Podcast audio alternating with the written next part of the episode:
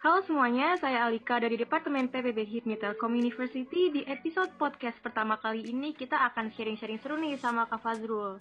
Untuk Kak Fazrul mungkin bisa kenalan dulu sama pendengar semuanya. Halo teman-teman semuanya, kenalin aku Fazrul Adiansa, dulu juga di HIPMI sebagai kadet uh, in enterprise. Terus sekarang kesibukannya lagi ngelola beberapa bisnis juga dan sambil trading saham juga pastinya.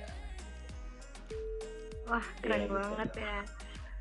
Nah, langsung aja kita mulai untuk topik hari ini tuh kita akan bahas tentang topik yang sebenarnya lagi hangat banget diperbincangkan nih, yaitu saham. Kalau lihat kondisi sekarang ini kan orang-orang nih khususnya mahasiswa ataupun masyarakat milenial milenial lah ya kita anggaplah seumuran kita tuh banyak yang penasaran tentang saham. Banyak yang penasaran akhirnya pengen coba tapi udah pusing duluan apa sih saham? Takut rugi takut uangnya hilang intinya takut nih buat mulai. Apalagi sering kali nih sekarang saya dengar istilah main saham. Padahal berkecimpung di dunia saham itu nggak semain-main itu. Semuanya butuh dipertimbangkan butuh belajar. Nah kalau menurut Kak Fazrul sendiri gimana nih tentang istilah main saham Uh, sebenarnya istilah main saham tuh apa ya kedengarannya kayak terkesannya main-main gitu ya. Padahal tuh kan sebenarnya itu kan kita serius banget gitu ya. Kita yeah. tuh mau cari keuntungan terus kalaupun rugi juga ruginya bisa gede. Nah untuk uh, apa orang-orang yang mau ikut uh, terjun ke dunia saham uh, baiknya tuh sebenarnya nyebutnya tuh kayak kita trading saham lah minimal atau invest saham betul, betul. gitu. Nah, conclusionnya itu kalau mau masuk saham itu ke dunia saham itu jangan main-main lah ya. Cari tahu informasi dulu sebanyak-banyaknya harus serius. Nah kalau Kak Faiz sendiri Kak Fazil sendiri nih maaf. Untuk Kak untuk Kak Fazil sendiri nih mulai belajar dan sukses saham itu kapan Kak? Saham tuh sekarang tuh jalan tahun keempat. Berarti tiga tahun lalu lah mau ke empat tahun. Itu udah trading saham dulu. Hmm Nah dulu tuh awalnya juga sama iseng-iseng ngebantu teman bikin rekening saham terus lama-lama daripada yang dianggurin gitu ya si rekening sahamnya coba jual beli hmm. saham oh, ternyata seru gitu ya iya. sampai pada akhirnya sampai sekarang tuh jadi rame lagi jadi wah senang banget ada banyak temen gitu sekarang kalau dulu kan masih sepi gitu. benar-benar terus kenapa kakak mulai tertarik untuk belajar saham kan dulu masih sepi banget Kenapa kan tertarik ya Nah, karena karena ini dulu kan emang maksudnya udah ada di dunia bisnis gitu ya. Ada di dunia bisnis di mana kita tuh selalu mencari keuntungan lah kalau bisnis. Nah, terus kenal sama namanya dunia saham gitu. Dunia saham tuh kita juga sama sebenarnya jual beli, tapi yang diperjualbelikannya itu kan saham kepemilikan perusahaan. Nah, dari situ kita bisa dapat untung. Sebenarnya kalau misalkan udah ngerti gitu ya, udah paham, itu tuh lebih gampang banget kita dapetin untungnya cuman ya tetap prinsip di dunia investasi itu high risk high return semakin tinggi resikonya semakin besar juga yang bisa kita dapetin kayak gitu makanya tertarik banget di dunia saham ya karena bisa menghasilkan sesuatu yang besar juga Ah, iya betul, keren banget sih kak. Nah langsung aja kita ke topik utamanya. Ini ke pertanyaan yang sebenarnya sering banget ditanyain sama pemula-pemula yang baru mau banget masuk ke dunia pasar modal ataupun saham. Jadi banyak yang nanya nih, apa sih sebenarnya pasar modal itu dan apa sih saham? Kalau menurut Kak Fazrul sendiri gimana? Oke, jadi kalau misalkan saham itu sebenarnya bagian dari pasar modal. Jadi pasar modal itu ibaratnya apa ya? Pasar untuk berbagai instrumen keuangan jangka panjang lah. Nah di dalam pasar modal tuh ada obligasi, obligasi itu surat utang ya. Terus ada juga saham, ada reksadana, terus juga ada instrumen derivatif lainnya kayak option, futures dan lain-lain. Nah, saham ini adalah produk dari pasar modal itu. Yang diperjualbelikannya itu di saham itu yaitu kepemilikan perusahaan yang bisa kita jual beliin lewat Bursa Efek Indonesia kayak gitu di bursa saham nah gitu. Oh iya, berarti kan udah mulai tahu kan nih apa itu pasar modal dan apa itu saham. Nah, kalau memulai itu gimana sih cara transaksi saham itu? Gimana kalau kita memulai untuk transaksi saham, Kak? Nah, kalau misalkan mau mulai transaksi saham yang pasti ya itu pertama kita harus bikin rekening sahamnya dulu. Nah, bikin rekening saham ini kita bisa lewat perusahaan sekuritas. Perusahaan sekuritas tuh uh, penghubungnya lah, penghubung antara kita dengan bursa efek kayak gitu. Nah, gimana cara bikinnya? cara bikinnya sebenarnya sama aja kayak kita bikin rekening ke bank cuman ini kita bikinnya ke perusahaan sekuritas nah nanti tuh kita akan dibuatin sama dia diurusin sama dia untuk punya akun saham dan rekening saham. Kayak gitu. Nah terus di Indonesia juga ada banyak perusahaan-perusahaan sekuritas tuh misalkan yang populer lah ya ada Mirai Asset terus juga ada Indo Premier, ada Philips, ada Mandiri Sekuritas, ada juga BNI Sekuritas. Nah, bedanya rekening saham sama rekening bank kalau misalkan di rekening bank itu kan kita ada biaya bulanan gitu ya kayak biaya-biaya yang dipotong setiap bulan lah kalau di saham di rekening saham itu nggak ada. Nah di rekening saham tuh potongannya itu cuma ada biaya transaksi. Jadi setiap kita ngelakuin transaksi itu baru kita kepotong. Kayak gitu. Berarti di setiap sekuritas itu beda-beda ya kak untuk fee setiap transaksinya ya? Betul, tiap sekuritas tuh beda-beda. Ada yang murah, ada juga yang gede gitu ya fee transaksinya. Contohnya kayak di Mirai ya. lah, Mirai itu, hmm, contohnya kayak di Mirai aset sekuritas nih yang Kak Fajrul pakai, itu tuh dia fee belinya 0,015 persen dan fee hmm. jualnya 0,025 persen. Itu tuh termasuk yang lumayan tinggi lah kayak gitu untuk modal awal, untuk modal awal kan biasa kalau kita mau mulai ya kak, kalau kita mau mulai modal awal itu perlu berapa ya? Nah modal awal ini sebenarnya modal awal ketika kita mau buka rekening di sekuritas itu. Jadi um, gampangnya gini, kayak kita mau buka rekening di bank itu kan ada minimal deposit ya. Nah, ketika kita bikin rekening saham pun ada minimal deposit yang diwajibin sama si perusahaan sekuritas itu untuk kita deposit. Nah, itu tuh beda-beda juga. Ada yang kayak Mirai Aset tuh yang populer tuh itu 10 juta. Ada juga yang 200 juta. Tapi ada juga yang di bawah 500 ribu. Kayak misalkan Indo Premier itu cuma 100 ribu minimal depositnya. Nah, untuk beli saham ya balik lagi gitu. Ketika kita tadi modal awal punya 100 ribu ya berarti kita cuma bisa beli saham yang harganya murah kayak gitu.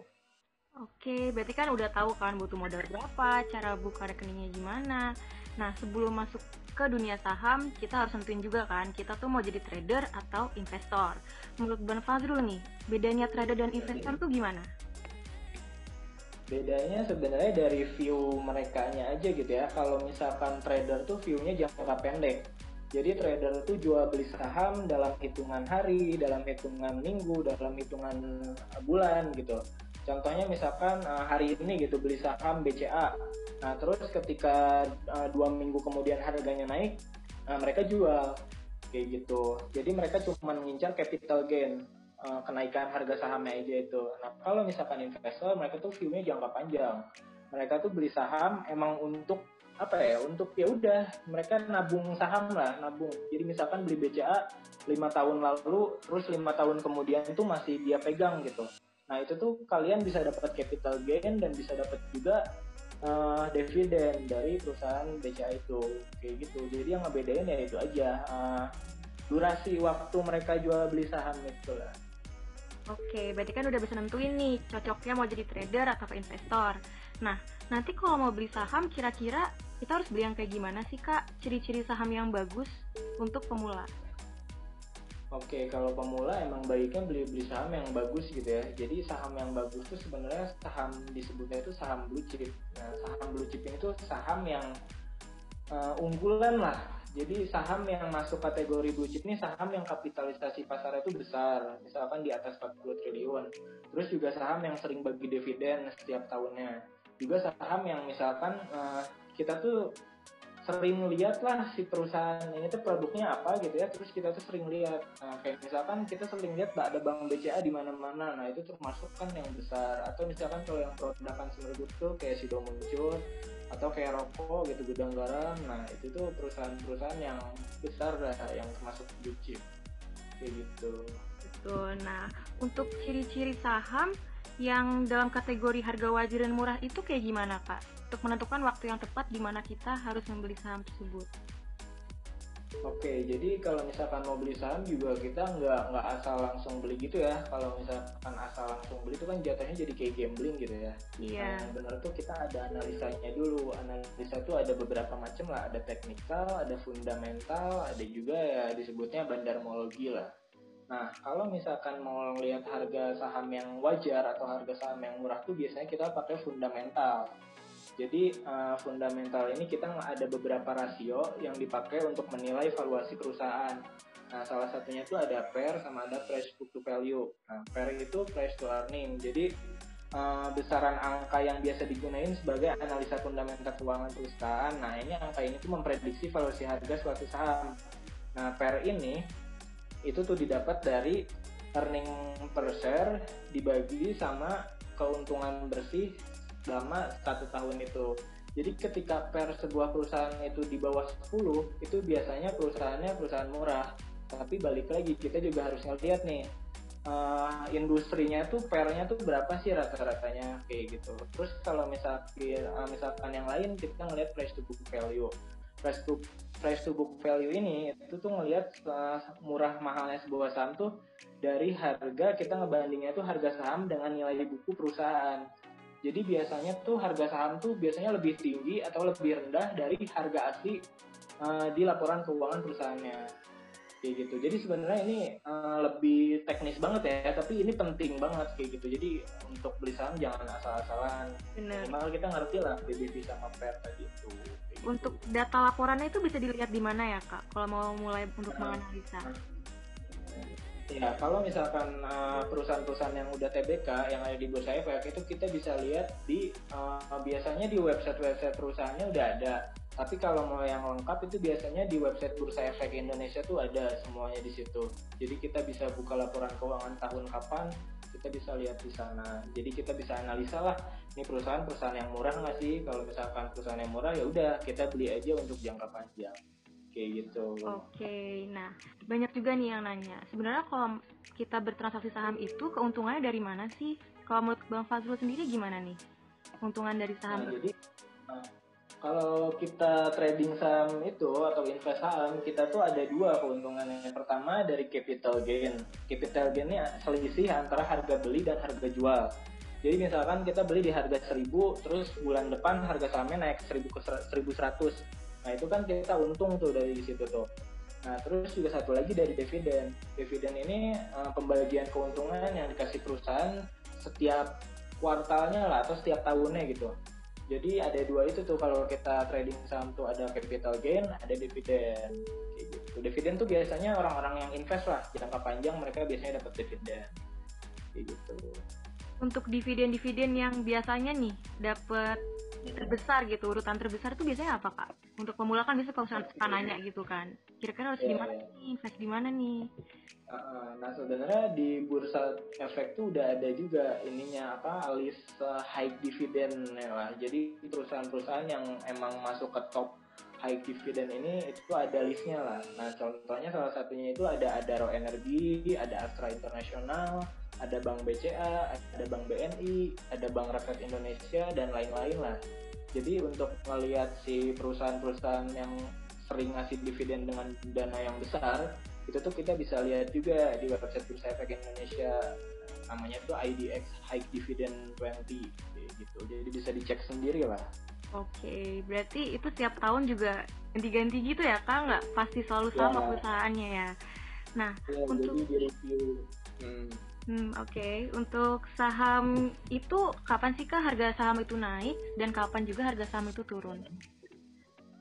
Nah kalau misalkan uh, ada yang nanya kayak gitu ya, itu sebenarnya kan nggak ada yang tahu ya kapan harga saham itu akan naik dan kapan harga saham itu akan turun. Cuman kita tuh bisa ngeprediksi dengan cara tadi analisa fundamental dan analisa uh, teknikal. Atau simpelnya kayak gini lah, misalkan kita pengen beli saham gitu ya uh, uh, hari ini gitu ya misalnya mau beli saham hari ini. Hari ini tuh saham yang bagus tuh apa sih yang akan naik ke depan tuh? Ya kita bisa lihat nih dari global itu di dunia tuh lagi rame-ramenya apa. Sekarang tuh kan lagi rame uh, mobil listrik ya Tesla tuh mau bikin yeah, mau bangun bat, uh, pabrik baterai di Indonesia Nah, dari global itu kita lihat ke Indonesia. Nah, di Indonesia juga lagi rame nih. Pemerintah tuh akan fokus uh, narik Tesla ke Indonesia untuk bangun pabrik baterainya, walaupun belum pasti gitu kan.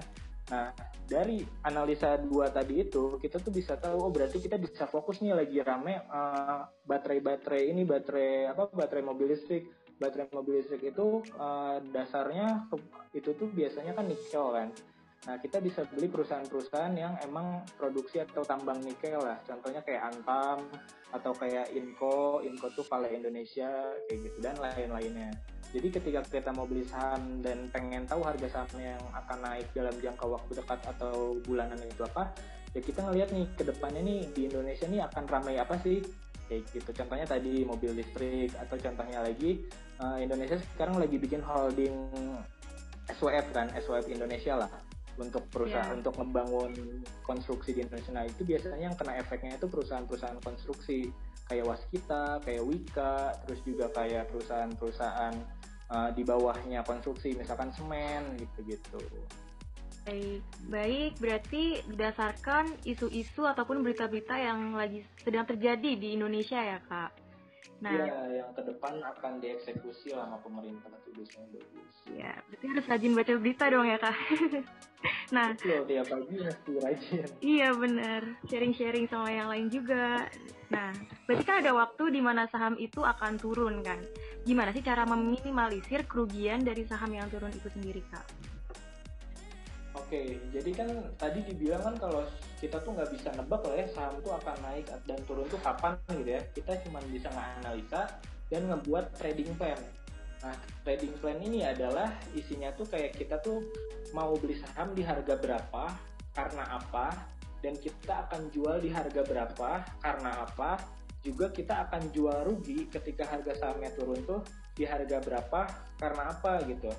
Nah, jadi untuk meminimalisir kerugian di bursa saham tuh biasanya kita bikin trading plan dan ketika trading plannya ternyata itu turun harganya ke harga yang udah kita tentuin, nah itu tuh biasanya kita cut loss, kita minimalisir itu dengan jual rugi. Kenapa kita jual rugi? Ya daripada kita nanti ruginya lebih dalam lagi, kita lebih baik rugi di harga yang masih rendah gitu atau untuk meminimalisir resiko lagi kita bisa diversifikasi lah.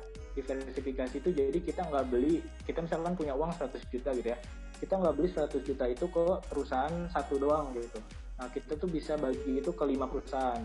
Nah misalkan ke perusahaan banking ke perusahaan consumer good ke perusahaan komoditas kayak gitu gitu nah itu fungsinya diversifikasi lah. Jadi ketika satu saham naik, ada satu saham yang turun, nah itu bisa ke backup kayak gitu kerugiannya sama saham yang naik kayak gitu.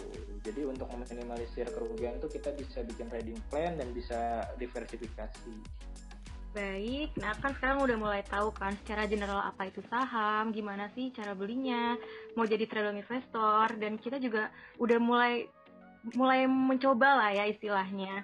Nah, sebelum masuk ke dunia saham itu sebagai pemula kan pasti masih asing dengan istilah-istilah yang ada dalam dunia saham.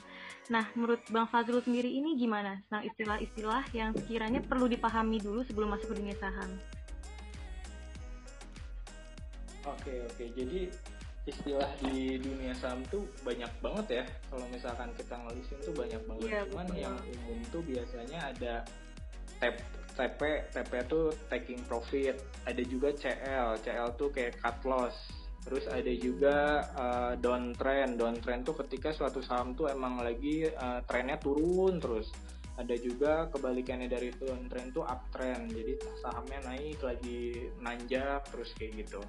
Terus juga ada cut loss tadi tuh udah ya. Terus ada juga misalkan uh, istilah-istilah analisanya lah kayak tadi di teknikal tuh kan ada banyak lagi istilahnya terus kayak di fundamental tuh ada tadi per ada juga PBV ada juga yang lain-lain terus uh, apa ada banyak banget soalnya kalau istilah-istilah di pasar saham itu cuman yeah. yang iya. umum ya tadi cut loss taking profit trading plan terus juga downtrend uptrend terus juga under value under value itu ketika suatu saham itu lagi di harga wajar dari perusahaannya. Kalau over value tuh berarti si perusahaan ini udah terlalu mahal lah untuk kita beli kayak gitu. Oke. Okay. Ada juga MM money management gitu kan. Betul betul. Iya. Setelah kita mencoba untuk transaksi saham nih ya bang, kan kita mulai masuk dong ke grup-grup ataupun komunitas saham. Nah, nanti di sana bakal ketemu sama realita di mana orang-orang itu mulai gampang terpancing dengan isu-isu padahal analisis fundamental analisis fundamentalnya itu kurang bagus itu menurut tanggapan Bang Fazrul gimana? Oke, ya itu yang sering terjadi kan ya, apalagi untuk pemula-pemula gitu, yang beli saham tuh karena wah lagi sekedar rame doang, tapi ternyata udah terlalu mahal harga sahamnya, yeah. atau sekedar ikut-ikutan temen, ya kan, di pom-pom ya istilahnya tuh. Uh, itu tuh harusnya ketika kita apa ya ketika kita dapat info gitu ya dapat informasi oh ini saham ini akan naik nih karena ada isu ini gitu misalnya kayak tadi Antam Nah, kita juga harus cek lagi gitu ke teknikalnya. Teknikalnya gimana sih? Emang harganya lagi bagus, lagi di posisi yang baik atau enggak untuk kita beli. Nah, jadi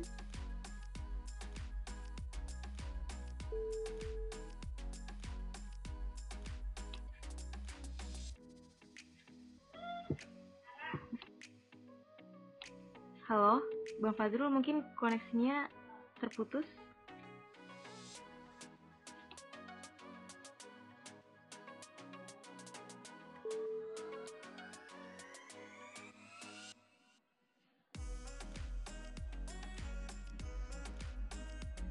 Halo, halo. Halo. Ya, ya. Ya, jadi gimana? Tadi ada ada suara. Ya, jadi kayak tadi ya. Analisa-analisa fundamental, teknikal dan benar molik itu punya fungsinya masing-masing.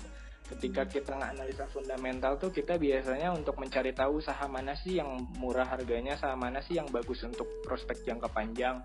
Nah, itu fundamental. Ketika kita menganalisa teknikal, itu kita nyari harga titik yang belinya tuh di mana sih apakah ini ada di posisi yang bagus untuk kita beli apakah enggak gitu jadi itu entry untuk belinya lah teknikal tuh dan bandar teknologi tuh kita biar tahu ini tuh yang ngedrive saham ini naik tuh siapa sih pemborongnya gitu itu analisa-analisa tuh kayak gitu punya fungsinya masing-masing Baik. Jadi jangan asal lah intinya kayak gitu. Iya, jangan gampang ikut-ikutan gitu lah ya bang. Betul.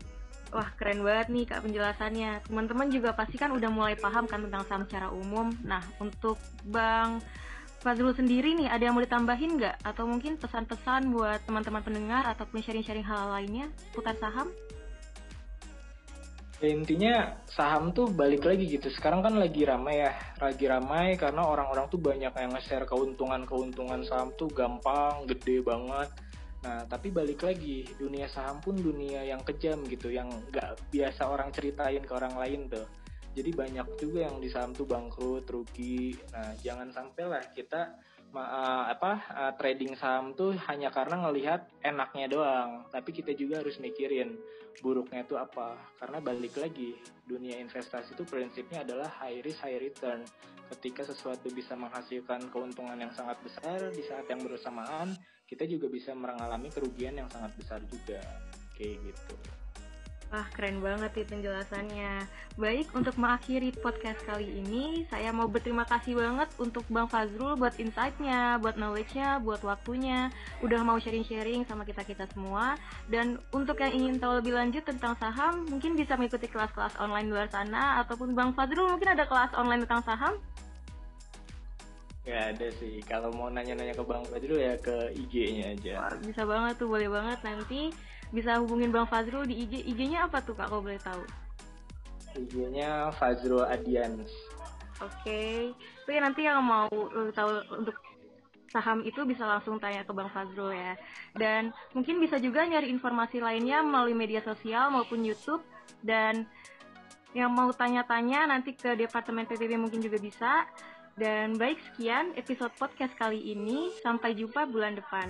Terima kasih semuanya. Terima kasih Bang Fajrul.